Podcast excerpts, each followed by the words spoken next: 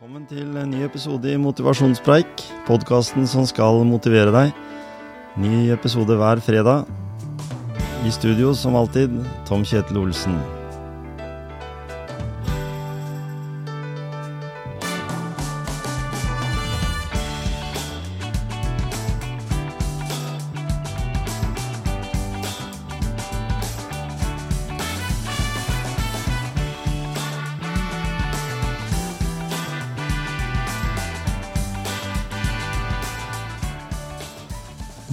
Vi kommet til en ny eh, motivasjonspreik.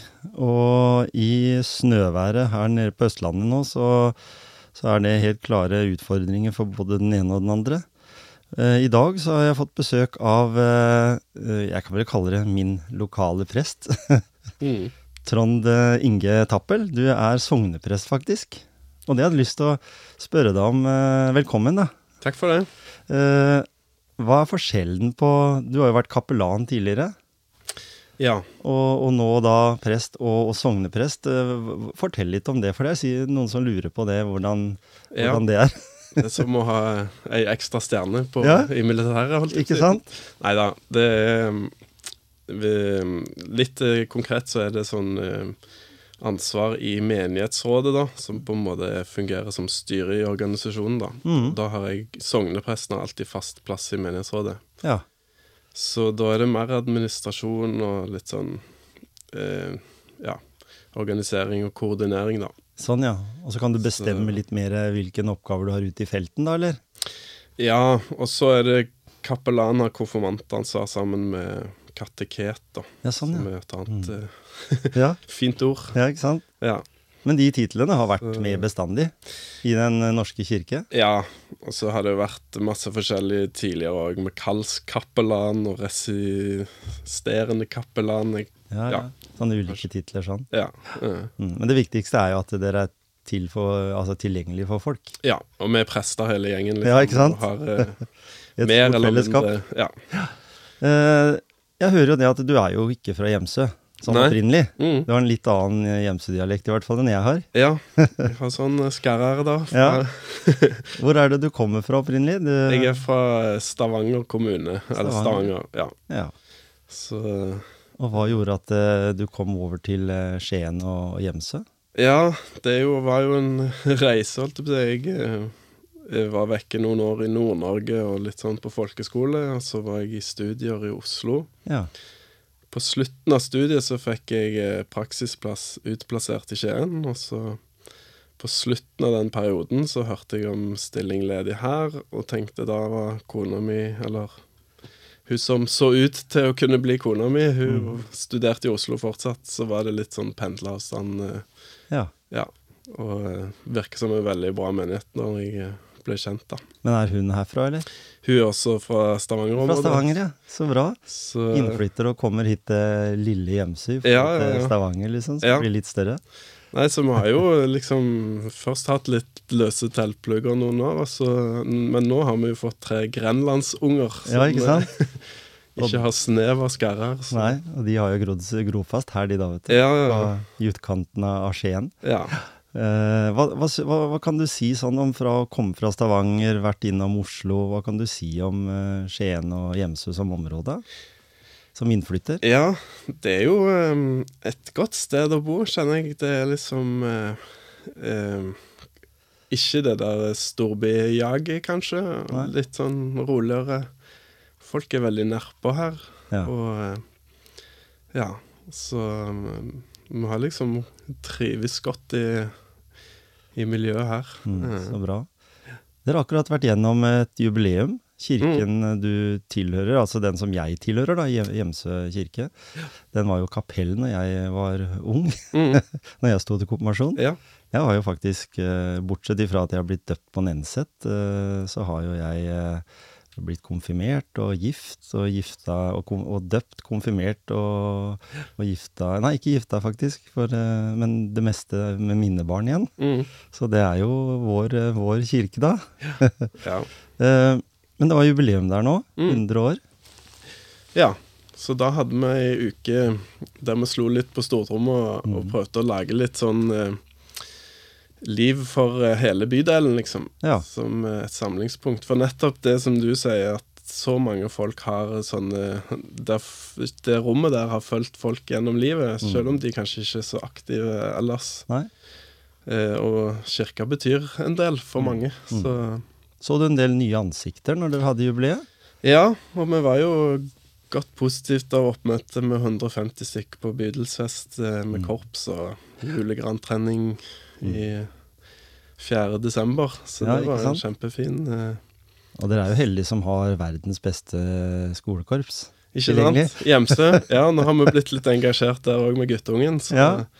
det ja, og det dugnadsmiljøet borti Gjemse skolemusikk er Mm. veldig bra, så det Ja, Jeg er sånn, jeg har hatt begge jentene mine der, og når du snakker om det med steder du finner, liksom, ja, så har jeg bare hatt speideren eh, som har vært det samme engasjementet fra alle. mm, Så når du sier det her med dugnad og Gjemse skolemusikk, så får jeg liksom litt sånn eh, fryse på ryggen, Ja. fordi det var så herlig å være der. Ja. Og flinke folk, og akkurat det derre For jeg har jo vært med i fotballen i mange år, og Mm. jentene har jo vært der òg. og du ser liksom Det er ikke hierarki på samme måten. Mm. Den eldste lærer bort til den Ja. yngste. Og så Ja. Litt sånn som det burde være mer av i samfunnet, egentlig. Mens i Ja. fotball så er det konkurranse fra dag én. Ikke sant? Og vi var med på en sånn 60-årsopplegg med korpsen og før jul òg. Og Mm. liksom det at ungene bare finner ut at de skal leke sammen, ungdommer og de minste, og de har noen ringleker og liksom organiserer seg sjøl. Det er så gøy å se sånn på tvers av aldersspennet, da. Å være med når de får være med på sånne korpstreff og reise på Mm. Eh, treningsleir, som vi kaller det. Ja, ja, ja. kalle det. Det blir flott, vet du, når det, når det er. Jeg kan, Mhm. husker det fortsatt. Jeg har vært med som, som uh, pappa der, uh, og det er jo så gøy å se. At alle, alle leker med alle. Ja. Så har de jo da en uh, dirigent som vel trapper litt ned etter hvert, men som har vært der i en, en hel generasjon. ja, ikke sant? Han er jo en eh, institusjon. Ikke sant? Ja. Jeg har hatt med han i studio, og han er fantastisk. Jeg har alltid vært imponert over hans engasjement for barn og ungdom. ja, veldig Så han har hatt uh, ganske mange gjennom, gjennom, sin, uh, gjennom sin lære. Men, men det er jo sånne ting som uh, du har òg, fordi det er klart at en kirke som Gjemsø, det, det er forresten Nenset og Gjemsø, de er jo sammen. Mm. Den har jo liksom gjort litt sammenslåinger der òg, akkurat som den har gjort med fylker og kommuner. Ja, Vet du? ja. Det var vel rundt 2005 som eh, det var behov for å slå sammen menighetsrådene da. Og, Ja. og, mm, Så det er litt korte avstander, egentlig. Det er liksom bare f- ja, fire minutter med bil. ja. Så det er liksom med ressursene og Ja. Ja.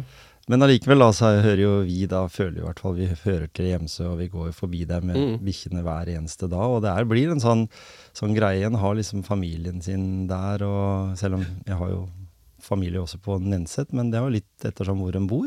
Men nå kan du vel kanskje velge, er det litt uh, friere sånn? Hvis jeg vil gifte meg Ja, eller sånn, så kan jeg velge den kirken jeg vil? ja, altså man kan jo døpe ungene der man vil, si, Mm. og sånt, men eh, hvis man skal gifte seg uten songs, eller at folk kommer til Skien for å gifte seg Mm. som ikke har bostedsadresse, så må de liksom betale litt ekstra, men eh, det er jo mulig. Ja, ikke sant? Eh, Du har jo opp, vokst opp sjøl i, i Stavanger. Mm. Har familien din Altså, hva er det som har inspirert deg til å gå den veien du har gjort? Ja, jeg eh, er jo fra en eh, Altså, foreldrene mine er jo ingeniører, men har vært Mm. engasjert i, eh, i menighetsarbeid når jeg har vokst opp, så jeg har jo fått det inn fra tidlig av. Også, men det som liksom ble viktig i ungdomstida, var jo at jeg fant trommestikkene og trommene og spilte i band og kor, som var veldig stort ungdomsarbeid i, gjennom ungdomsskole og videregående. Jeg gikk på Ja. musikklinje med en veldig gøy gjeng som var litt av de samme i miljøet der, da. Mm. Så egentlig er du en trommegutt, da. Så ja, begynte med trommer Ja.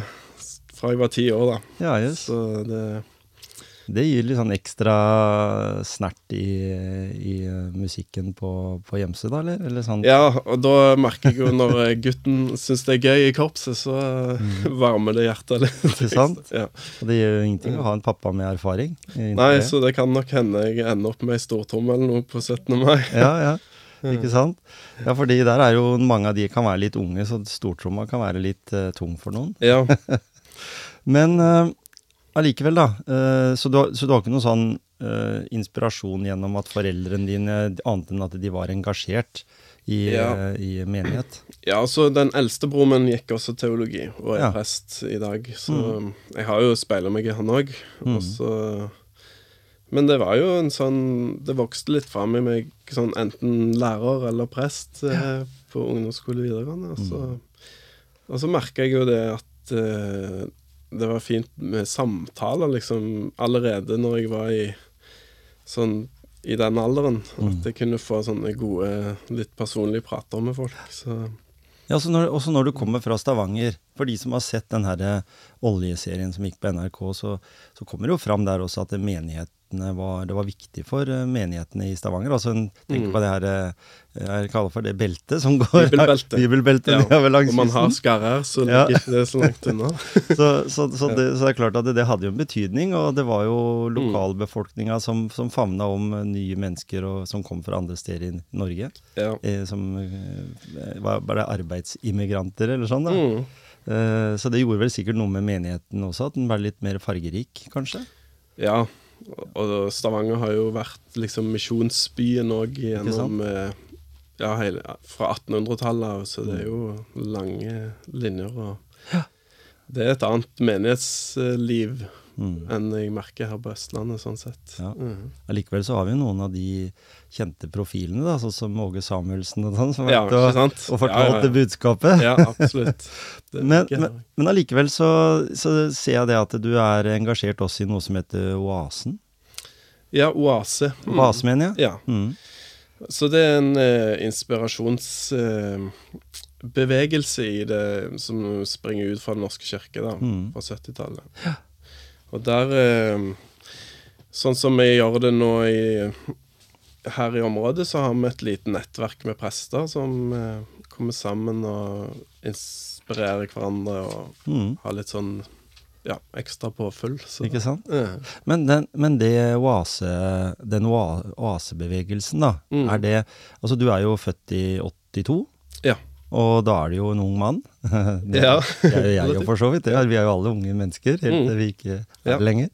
Men allikevel, da, så, så, så, når jeg leser litt om det, da, så, så er vel inntrykket at det kanskje uh, det er en bevegelse som skal på en måte ha litt annen fokus, fordi en skal tenke En må jo kanskje innen kirken også tenke litt mer moderne. Så dere mm. bruker jo digitale medier, og dere mm. bruker jo kom, Altså kommunisere på et litt annet nivå. Kanskje få fram elementer fra Bibelen som kanskje ikke har vært det det har vært mest fokus på, blant annet mye om Den hellige ånd. Mm. Ja, jeg, det er litt mindre om Jesus og mer ja. om han. ja. Jeg, jeg, siterte gamle biskop Kåre Støylen, som var her hjemse under 50-årsjubileet. Ja. Og han hadde sånn I Porsgrunn Dagblad så ble han gjengitt at han eh, han var veldig skeptisk til moderniseringen av kirken, mm -hmm. og hadde ingen fidus til det. Nei. så, og det tenker jeg der er overhodet ikke jeg. Jeg tenker at kirken må tilpasse seg tiden og tidsånden mm. som vi er i, mm. og skape prøve og gjøre, til, prøve å gjøre tilgjengelig det rommet vi har, som har vært liksom gjennom 2000 år, på forskjellige måter. Mm. Eh, for jeg tror folk i dag også trenger det nå, liksom. Ja. Og det å da da må vi tenke nytt. Da må mm. vi prøve å feile litt noen ganger og være kreative. Og, ja. Ja, for det var vel mm. sånn at Jesus som person, da, han var jo litt sånn framsynt den gangen. det, det, var vel mm. kanskje det som var litt skummelt også, at det på en måte blei tatt imot på den måten. Men også at det blei tatt imot på en god måte hos mange mennesker, da. Ja. Som så en ny vei. Ja. Det var vel litt sånn? Det er jo et radikalt budskap. Ikke sant? Ja. Og vi kan jo av og til tegne et bilde av en veldig snill og grei Jesus, men egentlig mm. så var han jo en rebell. En rebell. Ja, ikke sant? Uh, og det er vel kanskje det kirken uh, i Norge trenger å være. Hvis den, ikke, hvis den skal, I dag så en kjemper jo mot veldig mange andre elementer.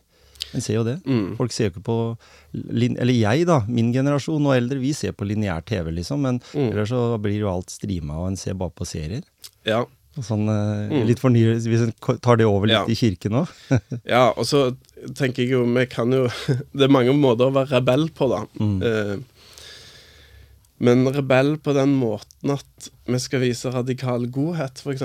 Mm. Og være Altså hvor langt denne nestekjærligheten egentlig går, f.eks. Eh, å kunne vise de tingene. Mer enn å på en måte mene store, sterke ting mot ting, på en måte. Eh, det brenner jeg nok for. Ja. At ikke bare vi skal ha peke på du er innenfor og du er utafor og sånn. Sant? Men eh, det skal være et rom for alle. Og, men eh, at det også er en stemme inn i samfunnet vårt eh, ja, i forhold til Vi går på high speed på så mange ting, liksom. Mm. eh, at vi mm, Prestasjonsjag og at Mye slitenhet, tror jeg. Ja. Og det har jeg tenkt på særlig i vår tid, det stikkordet hvile. Mm. At eh, Og liksom at det skal være lov til å på en måte bare få komme til kort og, og, og, og kjenne seg eh, ja, tatt imot da i kirka, liksom. Det er liksom det Så et sånn fint eh, rom som vi har skapt i Gjemse nå, er på onsdagskveldene, der vi har eh, noe som heter hverdagsmesse. ja. Og da har vi kutta ut preika. Og så har vi meditativ musikk. Vi har en fantastisk organist fra um, Ukraina, blant annet, som spiller eh, klassisk og, og sånt. Eh, en liten innledning. Vi har en bibeltekst som står på et ark, og som vi leser høyt. Og så har vi fem minutter helt stille i rommet. Der folk, eh, Det er litt uvant for folk i starten å sitte fem minutter alene sammen med andre folk Mm. helt stille, men da har man tid til å liksom Ettertanken, som kanskje ikke det er så mange rom av igjen i, i eh, samfunnet i dag. Nei, for når du sier det der med, med hvile, da, Mm. så er det mange som tenker at latskap. Mm. Altså, Samfunnet i dag er jo ikke bygd opp rundt latskap. Hvis du ser andre Mm. som skal på en måte motiverer deg, deg i samfunnet i dag, så skal det jo helst være Du skal gønne på, Mm. eller Ja. Unnskyld at jeg bruker uttrykket ditt, eh, Erik, men Erik Bertrand Larsen har jo det. eh, Ja. Og du skal liksom pushe på, du skal være den beste utgaven av deg sjøl. Ja. Liksom Tempoet skal være stort, du skal kjøre Tesla i 100, liksom. Det, det Ja. går i, i, i så tempo. Eh, så jeg kan nok tenke meg det at eh, i et diagnosesamfunn som vi er, så Mm. sitter nok noen litt urolig på benken ved å sitte i fem minutter. Ja. Men eh, samtidig, jeg tenker denne hvilen handler ikke om en inaktivitet Nei, eller passivitet. Det, det kan være ganske mye som foregår på innsida når man er stille og, og finner roen. Og når man finner mening, og det tror jeg òg er noe av det dypeste motiverende når du, eh, hvis du snakker om det, da. Mm. Å gjøre noe som gir en dyp mening i deg sjøl, Mm. og, og som gir mening for andre mennesker. At du kan gi noe til andre. Mm. Og som kommer på sporet av det, det Men Så, by, ja, så bygger mm. du et litt nettverk også. Mennesker som kommer. Fordi det er jo ikke tvil om at uh, nettverksbygging er viktig. Mm. Ser vi på alle sosiale medier og sånn, så er det om å gjøre å ha mange følgere, for da vet du at budskapet går ut til flere. mm, Uh, du har jo vært du er på en måte stiller opp på litt videoer, og har sånn har jeg Mm. sett. YouTube og, og sånn. Og så får den fram eh, litt uh, mellom linjene òg, da. Ikke bare, Mm. bare budskapet, som du sier, rett fra Mm. Bibelen, men at den, det fins andre elementer også. Vi, vi har jo hatt noen sånne kriser. Vi er jo, For mange mener jo at vi er jo i en krise nå, akkurat i Mm. dag også, når det snør. mm, Så er det en kjempekrise. Spesielt fra deg fra Stavanger, ja. som ikke er vant til så mye snø. Vi har bare slaps Men. Ja, ikke sant? Men, men allikevel, eh, jeg tenker på hvor eh, sterkt eh, kirken kom inn i bildet når vi hadde, hadde 22. juli. Vi hadde hatt sånne ting i, i vår som var veldig, eller var forferdelig for, for mange. Så, så, så blei det jo liksom viktig at prestene kom ut, at eh, de som bidro der, da, fikk liksom eh, påvirka til å ikke At ikke folk kunne miste troa, men det var liksom ha fokus på kjærligheten. Ja. Det var jo viktig, det. Og det er vel kanskje noe som vi er flinkere til i Norge, eller bry oss om andre? Mm. Eller må vi påminnes det? Tror du? Ja, jeg, jeg så jo Det skjedde jo noe etter 22. juli, for eksempel, og at, eh, at noen av de der flotte sidene i det norske samfunnet som virkelig kommer fram. Mm. At vi bryr oss om hverandre og Jeg kom her kjørende faktisk den 22. juli fra Oslo.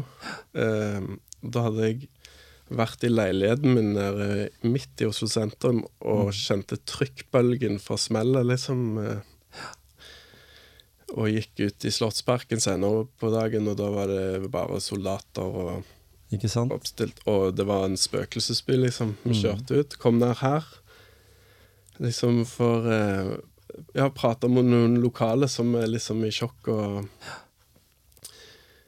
Og det at vi kanskje i den situasjonen innser hvor sårbare vi er, mer enn vi har vært, eh, eh, så tror jeg den sårbarheten kan gjøre noe fint imellom oss mennesker, når vi tør å, å komme litt innpå den. Mm. Uh, ja.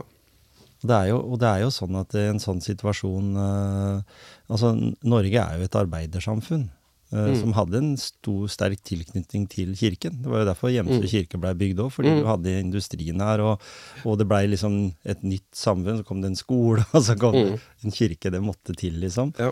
Eh, og det ser vi jo på mange andre steder, både på landsbygda. Det kan være en liten bygd med 50 innbyggere, men en kirke, det er det der. Eller i hvert fall et, et menighetshus. ja. Så, så, så den, den plassen er jo viktig, og, og det har den jo vært da i, i Norge i over 1000 år. Mhm. Eh, når vi da snakker om eh, arbeidersamfunnet som er på vei bort, mm. så har vi jo vært litt inne på det her med det hektiske eh, samfunnet vi har i dag, med full fart og bånn gass og hele greia. Eh, det at dere nå starter i gang med opplegg, sånn som på onsdagene, som du sier, mm. er det for å på en måte gjøre kirken mer tilgjengelig for folk igjen? Eller føler dere at det kanskje den har vært litt lukka nå, eh, utilgjengelig? For det er jo sånn, kjenner du ut på døra, Ja. så er det klart at er den låst, eller er den oppe? ja. Eh, og når vi nå også, som du sier, med Ukraina og, Mm. og folk som kommer fra, fra de, vi har jo hatt innflyttere her i området også, som, som kommer fra Ukraina og krig, så er det vel kanskje viktig å ha litt åpne dører? Ja. I sommer nå så hadde vi Og da fikk vi litt midler til det òg, å kunne ha mer åpen kirke. Ja. Så da hadde vi faste dager gjennom eh, hele juli, var det vel. Som, eh, så det er nok eh, en, et eh, fint supplement å ha i kirka, da. Og så, men vi prøver jo liksom å eh, gjøre eh, formen mer tilgjengelig for folk, kanskje, og sånt. Men eh, ja.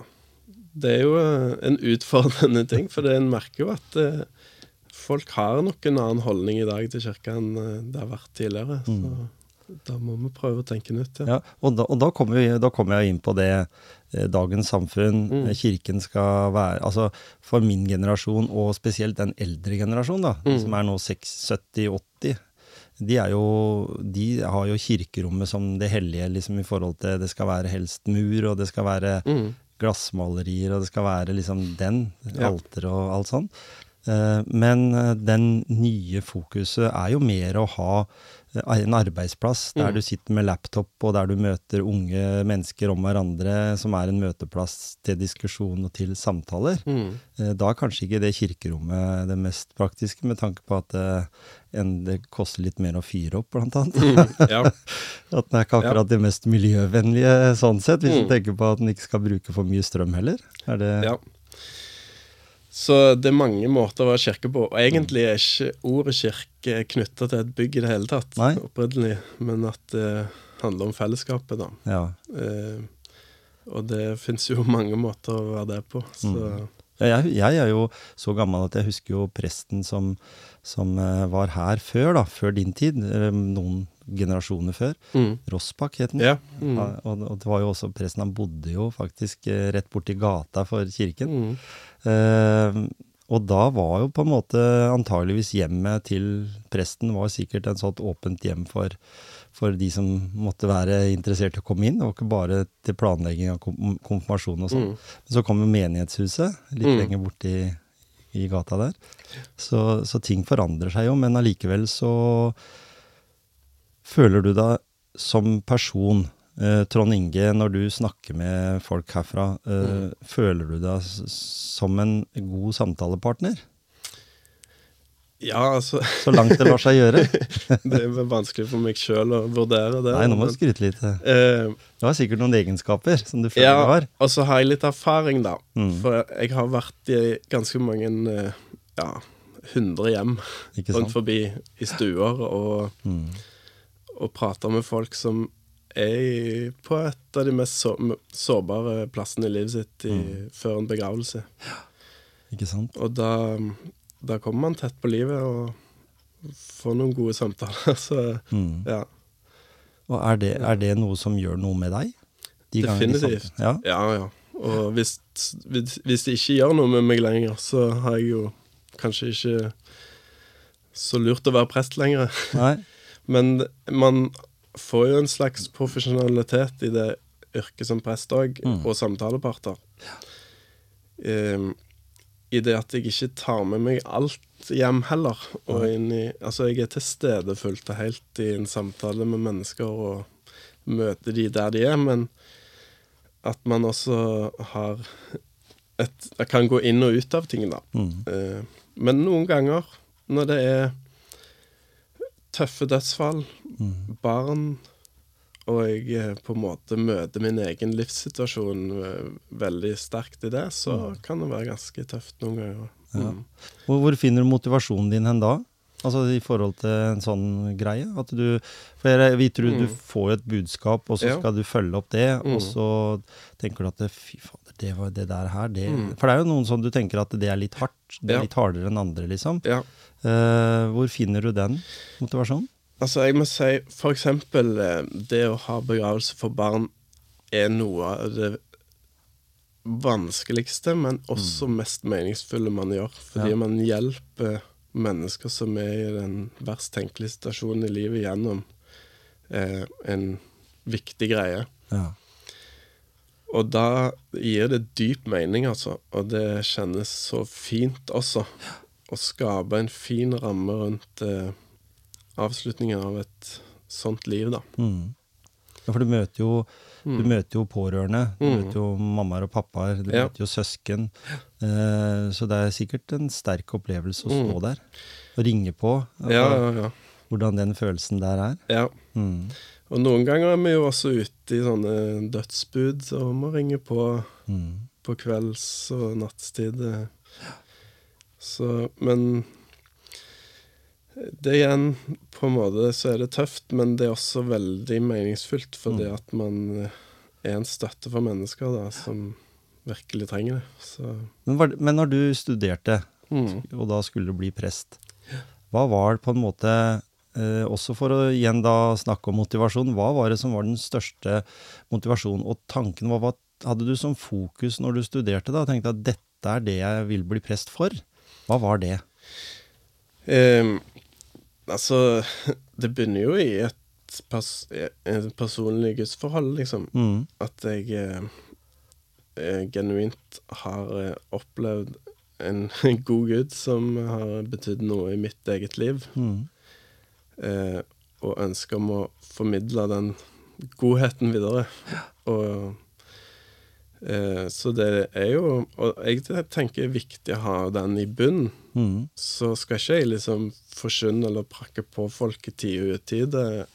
Eh, eh, ja. Men du er litt en misjonær òg da? Hvis Ja. det, altså ikke, ikke sånn som du sier å Mm. prakke på noen, eller på, men, men å være en god formidler av, av Guds budskap? Ja, for jeg Og også fordi jeg tror det gir Det er veien til et godt liv for mennesker. Mm. Eh, å komme i, for fred med seg sjøl og sin skaper, liksom. Mm. Mm. Eh, og det Så det er veldig sånn eksistensielt dypt eh, viktig for meg, eh, Mm. den jobben jeg gjør. Og den meningen i det eh, jeg holder på med, møter jeg jo hver uke og hver dag, når jeg liksom kan få lov til å I samtaler eller i eh, preik eller sånt eh, Mm. få gi noe av det gode jeg har fått sjøl, videre. Mm. Så det, når jeg har motivasjonspreik, så er jo dere, dere bruker preken. Ja, Det er det samme ordet, bare på Preken, Ja, ikke sant? preike. Eh, men men eh, jeg tenker at eh, den der følelsen du får da du er stolt Mm. eh, Jeg vil jo si, tror det, at du har en Mm. stolthetsfølelse. eh, og når du da kommer i en sånn situasjon, det som du sier, det er alltid, alltid hardt, men, men føler du da at du allikevel ikke Det går ikke så innover at, du, at det blir en Sånn som, sånn som kirken var før, hvis du var prest et sted, så var jo hele familien på en måte involvert i alt som skjedde. Mm. Det, det Ja. var jo en livsstil. Mm. Eh, greier du å koble av når det ikke du er prest? Er du pappaen da, liksom? Eller, eller mannen? Vi har noe som heter arbeidsveiledning, som en del andre bedrifter også har. Mm. Og det er litt sånn ventil, så ikke alt går på kona eller Ja, eller når man kommer hjem. Så, eh, og det tror jeg er viktig. Og det har man jo i debrifing i, i politi og brannvesen og helsevesen og sånne ja, ting òg.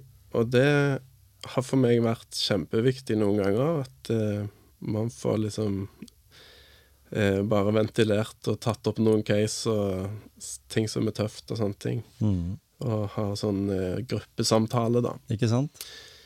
Eh, for før så sto nok presten ganske aleine i en del ting, Mm. og det var for mange nok et veldig stort press på familielivet. Mm. Og det var nokså grenseløst, vil jeg si. Eh, for at man skulle ha en særskilt fleksibel arbeidstid eh, uten noen grenser, da. Mm. Men jeg ønsker å være en tilgjengelig prest innenfor noen rammer, da. Mm. Både for uh, menigheten og Eller for folk flest og min familie sitt beste, liksom. Mm. Så på Men- Ja. Ja, Men er kona di sånn at hun steker vafler når det er eh, møter og sånn på i kirken, eller er hun sånn engasjert? Ja, nå er det sånn at jeg er veldig heldig å ha ei kone som er glad i å brenne for å lage mat. Ikke sant? Og uh, hun har faktisk starta kafé nå, så Ja. uh, Så det er Hun er jo med og Ja, så vi står veldig sammen i det, og det er jeg kjempeglad for. Mm. Og det er ingen selvfølge. Så det å være prestekone i gåseøynene, det, Mm. det må man finne sin vei i, tror jeg. Ikke sant? Og ikke bare leve opp til masse forventninger om hvordan det burde være. Og, ja. Nei. Og så er det å, å drive noe sammen med andre er jo viktig, det òg. Mm. Holde seg litt i gang. Er, Ja. det- er det prosjektet på klosteret, er det ikke det? ja, så de har mm, Hun og noen som venninner som har starta en eh, stor kafé Ja. som heter Blackbird eh, nede på klosteret. da. Mm. Så, Det er kjempebra. En ny bydel i, Ja. i Skien som hører til her, egentlig. Som er Hjemsø, Mm. liksom, på en måte bare en litt Ja. forlenga arm inn mot byen. mm, Mm. ja, Der er det jo det- spisesteder og, og sånn også, i tillegg. Så det blir et nytt jeg tror eh, det blir veldig bra. Ja. Mm. Absolutt. Uh, jeg har lyst til å spørre deg om uh, hva du gjør når du er, har fri. Altså, Jeg regner med at når dere spiser, da, hvis du har kone som lager mat og sånn, dere ber sikkert bordbønn. Mm. Og så- Men hva gjør du når du har fri? Altså da når du ikke er på jobb? Jeg eh, liker veldig godt praktisk arbeid. Mm. Så eh, jeg har jo hatt eh, mange prosjekter på huset og, og i hagen og sånne ting. Så, så jeg er litt sånn som far min var med, glad i hagearbeid og sånt. Og Mm. så er guttungen eh, med i hælene mine mye, da. Ja, ja, ikke sant? Så Så det blir litt sånn uh, at du finner liksom litt sånn uh, terapi sjøl. mm, Du sier det at dere har gode ordninger uh, der du kan få snakka ut om ting som, mm, som kan også være traumatisk for, for en prest. Uansett hvor profesjonell man blir, så har man jo følelser. Og mm, det må jo kanskje være mere Altså du må ha de følelsene både inni og utvendig for at du skal være troverdig, eller? For det, det er jo vel sånn. mm. Du, må, det du går jo all, all in, er det ikke sånn Ja. de sier? Ja. Og så eh, Men sant, noen ting eh, treffer en eh, De kaller det for motoverføring i, i sjelesorgen. Mm. Når liksom ens fortelling treffer noe i min egen fortelling Mm. på en måte som ikke Som gjør at jeg ikke nesten klarer den rollen som eh, profesjonell, da. Mm. Så, men eh, Det er sånne ting man må sortere litt i. Ja. Men Men noen ganger stått i det og tenkt at dette her eh, jeg, dette, dette greier jeg ikke. Du har kanskje en relasjon til noen som er der, og, og sånn. Har du, har du da på en måte måttet si at beklager, men jeg må hente inn en, en god kollega isteden, som, som gjør dette her? Eller sånn at dere internt har snakka om det, at det er kanskje ikke så lurt at du gjør det? Eller? ja, Kanskje ikke det, rukket det? det kunne kanskje være at det kunne skje, men jeg kan ikke huske at jeg liksom har måttet Nei, ikke sant? ta en sånn timeout uh, Nei. i en situasjon, nei. Og ikke, og ikke ha kommet så langt som at uh, du sjøl har jobba så på at du må ha Altså, du er, du er jo akkurat som oss andre i tidsklemma sånn totalt sett. Du skal liksom til og fra skolemusikk og, og kanskje fotball eller hva det måtte være av sånne aktiviteter. Så du er jo også i den hverdagen. Du har jo Mm. har vel bare fri på mandager? Ja. ja, ja, som, ja, og vi har jo arbeidstid nå. Ja, ikke sant? Eh, og det ble innført eh, etter at jeg begynte som prest. Så, så det, men det kan man liksom planlegge litt sjøl, Da er det fleksitid. ja, og være litt fleksibel Ja, innenfor de arbeidstimene man skal ha og sånt. Ja. Så, Det er, jo, det er jo sånn det bør være i, i 2023. ja, da har man muligheten til å være tilgjengelig på en måte òg, ikke bare helt sånn innenfor en firkant. Så. Nei, ikke sant? Mm. Men allikevel, da. Trommeslager. Eh, da er det jo litt sånn Bjørn Eidsvåg. ikke sant? Du er musikk, Ja. du er liker musikk, og musikk er jo Mm. en viktig faktor i, i kirken også. Mm. Eh, og i andre kirkerom, eller andre kristne rom. Mm. Eh, får du dyrka den eh, lidenskapen, eller? Ja, lite grann. Jeg slenger meg med på Vi har hatt uh, cubanske messer med timannsorkester i Nenset, Ja. og vi har hatt en del sånne eh, fellesskapskvelder på Klyve menighetshus Mm, med mye sånn band og sånn, så da får jeg slått meg litt løs. så bra. Så det er gøy. Så det er ikke noe sånn, det er ikke noe eget prosjekt, liksom, sammen med noen eh, gode kompiser? Som Det er litt sånn eh, Ja, det, det er jo mange kolleger som er både kolleger og venner, som Ja. er Ja, interessert i musikk? får jo til litt forskjellig sammen sånn, da. Jeg kan jo ta det på Zoom nå, vet du. Ja. Jeg kan sitte i Stavanger og hvor som helst i hele verden. Ja, hvis man unngår delayen, så Ikke sant? På ditt engasjement, da, som vi var inne på tidligere, eh, hva tror du om eh, framtida for kirken i forhold til Vi ser jo det vokser jo mer og mer på digitalt nivå. Eh, Det har vært mye også pga. pandemi og, og sånne ting. Eh, tror du det er viktig å innføre ekstremt mye digitalt, eller er det det at det, det er nærheten til andre mennesker som er viktigere? At vi skal holde hverandre i hånda, eller i hvert fall sitte skulder til skulder? Hva, hva, hva er viktigst, tror du, for framtida? Ja, så vi fikk jo virkelig prøvd oss i på koronatida med digital kirke. Mm.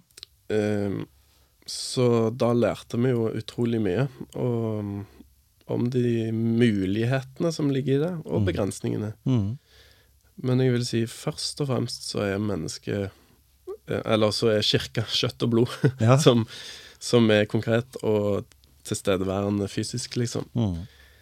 Og sånn tror jeg det folk merker ellers òg, at eh, det er noe eget å sitte og prate ansikt til ansikt. Eh, å være sammen som fellesskap. Mm.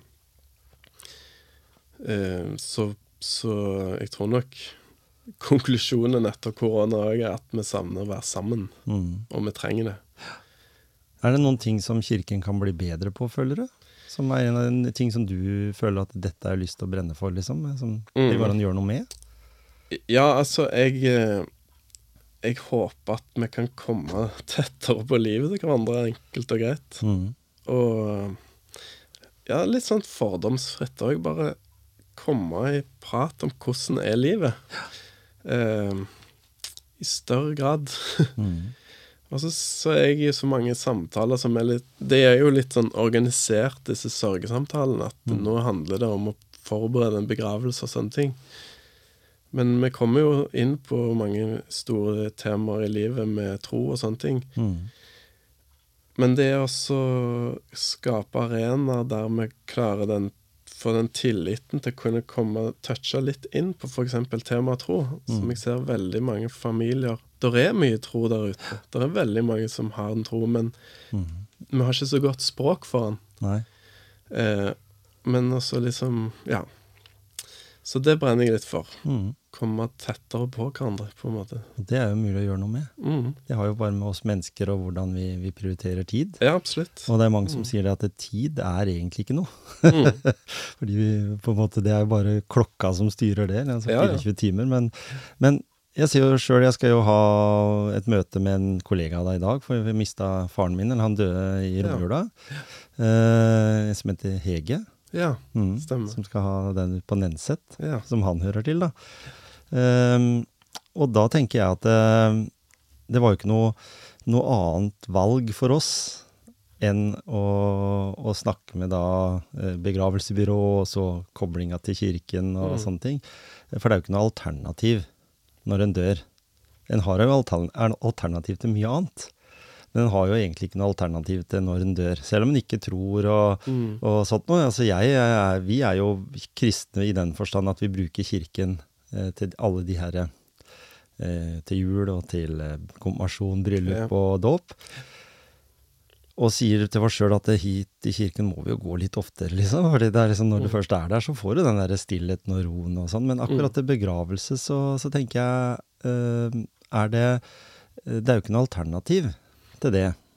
Eh, det er liksom kisten, og så er det selve begravelsen i kirken. Og så, så, så gjør jo kirken eh, det for alle, gjør det ikke det? Altså Kirkegården er jo du, Det er jo der du får din siste hvile. Mhm. Ja, altså Kirkegårdsforvaltningen mm. er jo en egen greie. Ikke sant? Eh, Så at Og så er det jo egne parseller for muslimske graver på eh, Nordre og på eh, i Eidanger Ja. i Porsgrunn. Altså, det er ikke sånn på Gjemse, av de som bor her. Um, det er vel ikke egne områder her, men uh, Nordre Gravlund og Gjerpen fungerer som uh, sånne livssynsnøytrale Ja, sånn, ja. Um, Mm. uh, ja, steder som man kan ha seremonier som er eh, humanitiske eller helt livssynsnøytrale, da, Ja, bare sånn, med en seremonileder. ja. Så det er absolutt mulig, og, og det er jo eh, Og da er jo ofte Nordre Gravlund brukt som selve gravstedet òg eh, Mm. mange ganger. Så. Mm. Så kirke, for kirkegårder altså Jeg må si kona mi og jeg, vi drar jo Mm. turer til Oslo innimellom. Mm. Og da er jo en av de tinga som vi syns er veldig ålreit, det er å gå på Vår Frelses gravlund. Mm. Og det er sånn fred der, og du ser masse kjendiser yeah. og sånt noe. Eh, hvordan skal det bli med den tiden vi lever i i dag? Det er jo en helt annen type kjendiser nå Mm. som, enn det det var på en måte da. Der ligger jo liksom Henrik Wergeland og Ibsen og, og, Mm. og, og, en, en gamle altså prester og kjen, altså kjente Mm. profiler fra, fra den tida. I, I dag så har vi jo helt andre idoler, i hvert fall blant uh, ung, ungdom. da. Mm. Uh, vil kirkerommet være klare for de også, som skal ha en rosa gravstein? Eller, en, Ja, sånn, ja. eller at det er liksom en, en, Ja. litt annen, en litt annen profil på menneskene i dag? Ja, altså Vi har jo uh, Jeg ønsker jo å imøtekomme folk og lage en personlig seremoni. Mm. At man ehm, Men så er det sånn at det er jo mer mer press på på kirkens ritual òg, da. Sånn at Mm. vi må jo på en måte ha noen eh, noen rammer for hva som Som er, Kan med og ikke, Ikke sant? liksom. Det er mange, mange trender som, som Så- vokser fram, ja. Ja. Så hvis man velger å ha det i kirke, eh, så er det litt eh, innafor de rammene, da. Men, Mm. men eh, ja. Absolutt eh, veldig vanlig å ha litt mer personlig preg på låtvalg, eller f.eks. Mellomspill. Noen eh, ja, populære solistsanger, f.eks. Mm. ting. For det er jo også en ting som har blitt eh, mer og mer vanlig mm. fremover, eller vært eh, i forhold til hva det var før. Mm. Eh, men nå har det vært igjennom julestria.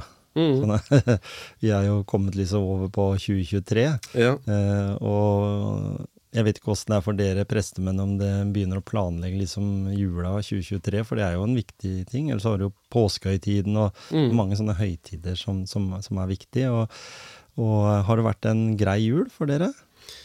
ja. Du sier du har hatt jubileum og midt oppi Mm. alt dette. Det har vært, Ja. sikkert vært eh, hektisk. Altså, I Hjemsund og Nenset så har vi hatt nesten 1000 elever inne på, bare på skolegudstjeneste. Ja. Og så har vi i tillegg til det hatt uh, utallige Ja, sikkert flere hundre på julevandring, barnehager og Mm. Ja. Um, og så har vi jo hatt eh, julegudstjenestene på julaften første juledag. Og så eh, det er liksom uh, utrolig gøy med jul. Og så Ja. har jeg vært heldig å ha fri i romjula. Mm. Så Det er viktig. eh, Å ha litt noen fridager òg. Ja. Men så har det jo vært eh, Det er jo ikke tvil om at vi er jo i en utfordrende tid da, med mye mange påkjenninger, sånn som ikke en kan Mm. gjøre så mye med. Blant annet så nevnte jo han begravelseagenten vi hadde, at det var veldig mye dødsfall. Han Ja. hadde fått veldig mye i romjula, og, Ja. fram, og det var Mm. på grunn av eh, sykdommer Mm. og mye eldre. Det er jo mye eldre, mer eldre i samfunnet. Eh, eh, men hva tenker du eh, holdt jeg på å si, opp, oppi dette her? Vi har jo eh, Kirkens betydning er kanskje viktigere enn noen gang i forhold til at vi nå ikke bare har krig ute i Europa, men vi Mm. har jo også eh, holdt jeg på å si, høye strømregninger, selv om Mm. kanskje strømregningen i seg sjøl, når en ser hva folk eh, fråtser i jula og Mm. og bruker mye penger på ting. Eh, kanskje ikke har den så stor betydning, men så ser jo det at du har jo vært med på noen matutdelinger, for det har jo også kommet til Grenland, eh, vil jeg tro. Det er Mm. ikke bare i Oslo og de storbyene sånt skjer. Hvordan syns du det er, altså å være i en sånn situasjon? Nei, jeg ser jo og jeg, jeg kan liksom Ja, kanskje mer enn eh, noen gang tidligere kjenne den usikkerheten. eh, ja, både i, i eget liv og, og liksom i samfunnet rundt oss. Eh, at vi må leve i usikkerhet. Mm. Eh, og før jul så hadde vi Altså, nærmiljøsenteret, de leier hos eh, oss som har eh, menighetshus på Klyve Mm. og driver et stort arbeid der, og der fikk de bevilgninger fra kommunen, eller ja, fra myndighetene på 200 000 til eh, ut til de som er trengende, og de Mm. merker jo at behovet er vanvittig. Eh, så det er krevende tider, og vi ser jo det at eh, ja, det er viktig å være der nå Mm. for folk. Det er litt trist. Føler absolutt. du det? Ja. Og jeg, og jeg er de som jobber Jeg jobber ikke så tett med akkurat den eh, Det akkurat nå, men eh, det å se at folk rett rundt i den nærmeste kretsen er Mm. de som kommer og trenger noe ekstra, Mm. Det var en sånn eh, En av de som jobber der, som uttrykte at det var spesielt. ja, ikke sant? Mm. Og jeg, jeg sier jo det at de Um, Jeg snakka med han eh, Runar, han som har omvendt julenisse. Ja. Og han Mm. uh, sa jo det at det som han syntes var trist, og det var at uh, personer som hadde vært uh, bidragsytere over lang tid, og bidratt både med hjelp, du, form for dugnad, og, og gitt mye, Mm. de sto i den køen nå. Ja. Det er veldig eh, Ble rollene snudd plutselig. Ja. Jeg blir liksom trist inni meg bare Ja. føle. For eh, hos oss, vi, har, jobber begge to og, og har, grei, har det greit, liksom. For, Mm. så, så er det jo mange som, som ikke har det, Ja. eh, rett rundt oss. Mm. Altså tror jeg det, det er en øvelse i livet å kunne ta imot hjelp òg. Mm. Ikke bare være hjelperen. Ikke sant? Eh, å se på det som en gave, liksom. Mm. Eh, at jeg faktisk får lov til å ta imot i den perioden jeg er i livet nå. Mm. Det er det jeg trenger. Og hvorfor skal vi egentlig skamme oss over det? Det er liksom Sånn er livet nå. Det er mange faktorer som har bidratt til at det er sånn. Ikke sant? Og eh, Ja, for det er jo noe med den Mm. stoltheten og Ja. at dette her, det skal ikke jeg vise frem Mm. til noen. Og vi er jo litt Ja. sånn, ikke sant, at vi vil helst ikke at folk skal se det. Men, ja. men det er jo da det er viktig å ha en god nabo, eller være en god nabo. Og så er det noe Og det er liksom det jeg tilbake til det med sårbarhet som jeg brenner litt for. For at jeg tror vi mennesker connecter på en måte når vi tør å vise sårbarhet. Eh, og tør å ikke bare være sterke, liksom. Mm. Eh, at plutselig så bygges det en tillit som er litt dypere. Mm. Når man tør å være liksom Jeg, jeg fikser ikke helt det elementære, eller det å få endene til å møtes fra måned til måned nå. Mm.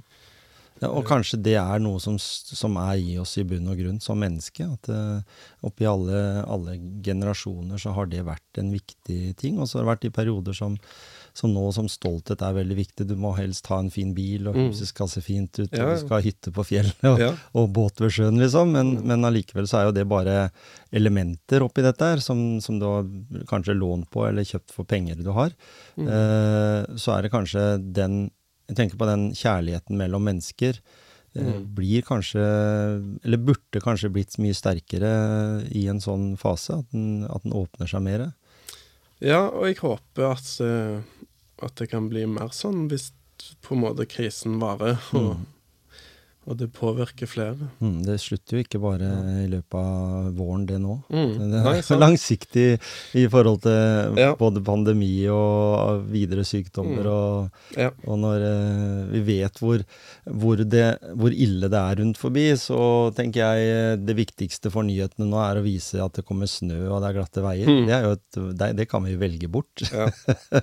men, men allikevel så er det jo denne her eh, Ja, den herre eh, tanken om, om å bry seg ja. være Jeg hadde jo på besøk her eh, tidligere eh, han, Hans Edvard Ascher, og han var jo veldig opptatt av den her nabokona, eller den som Mm. brydde seg. Han vokste jo opp eh, hos en nabo sjøl, liksom, Mm. som, som var på en måte det, det viktige. Og jeg har jo hatt andre forbilder i livet mitt enn mine foreldre, som måtte i den generasjonen jobbe begge to. Mm. Så, så var det andre besteforeldre, for eksempel, som, som jeg fikk veldig nær, nærhet til. Så en, en, en må bry seg det som er. ja, og kanskje en må tenke Ta seg litt tid til å tenke gjennom det. Mm, Hvem er det jeg kan bry meg om, eller som trenger en liten tekstmelding eller en telefon? mm, Det er så vanvittig lite skal til mange ganger. ikke sant?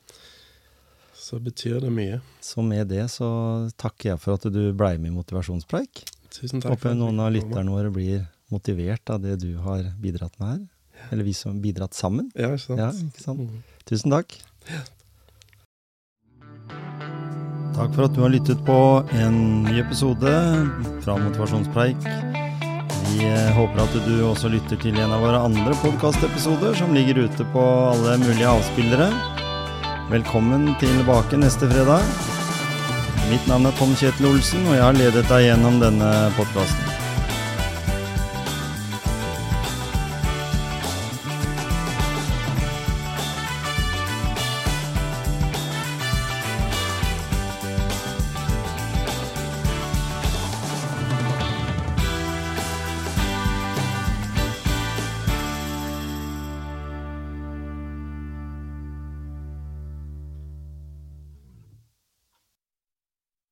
Dette er en podkast fra Podvork.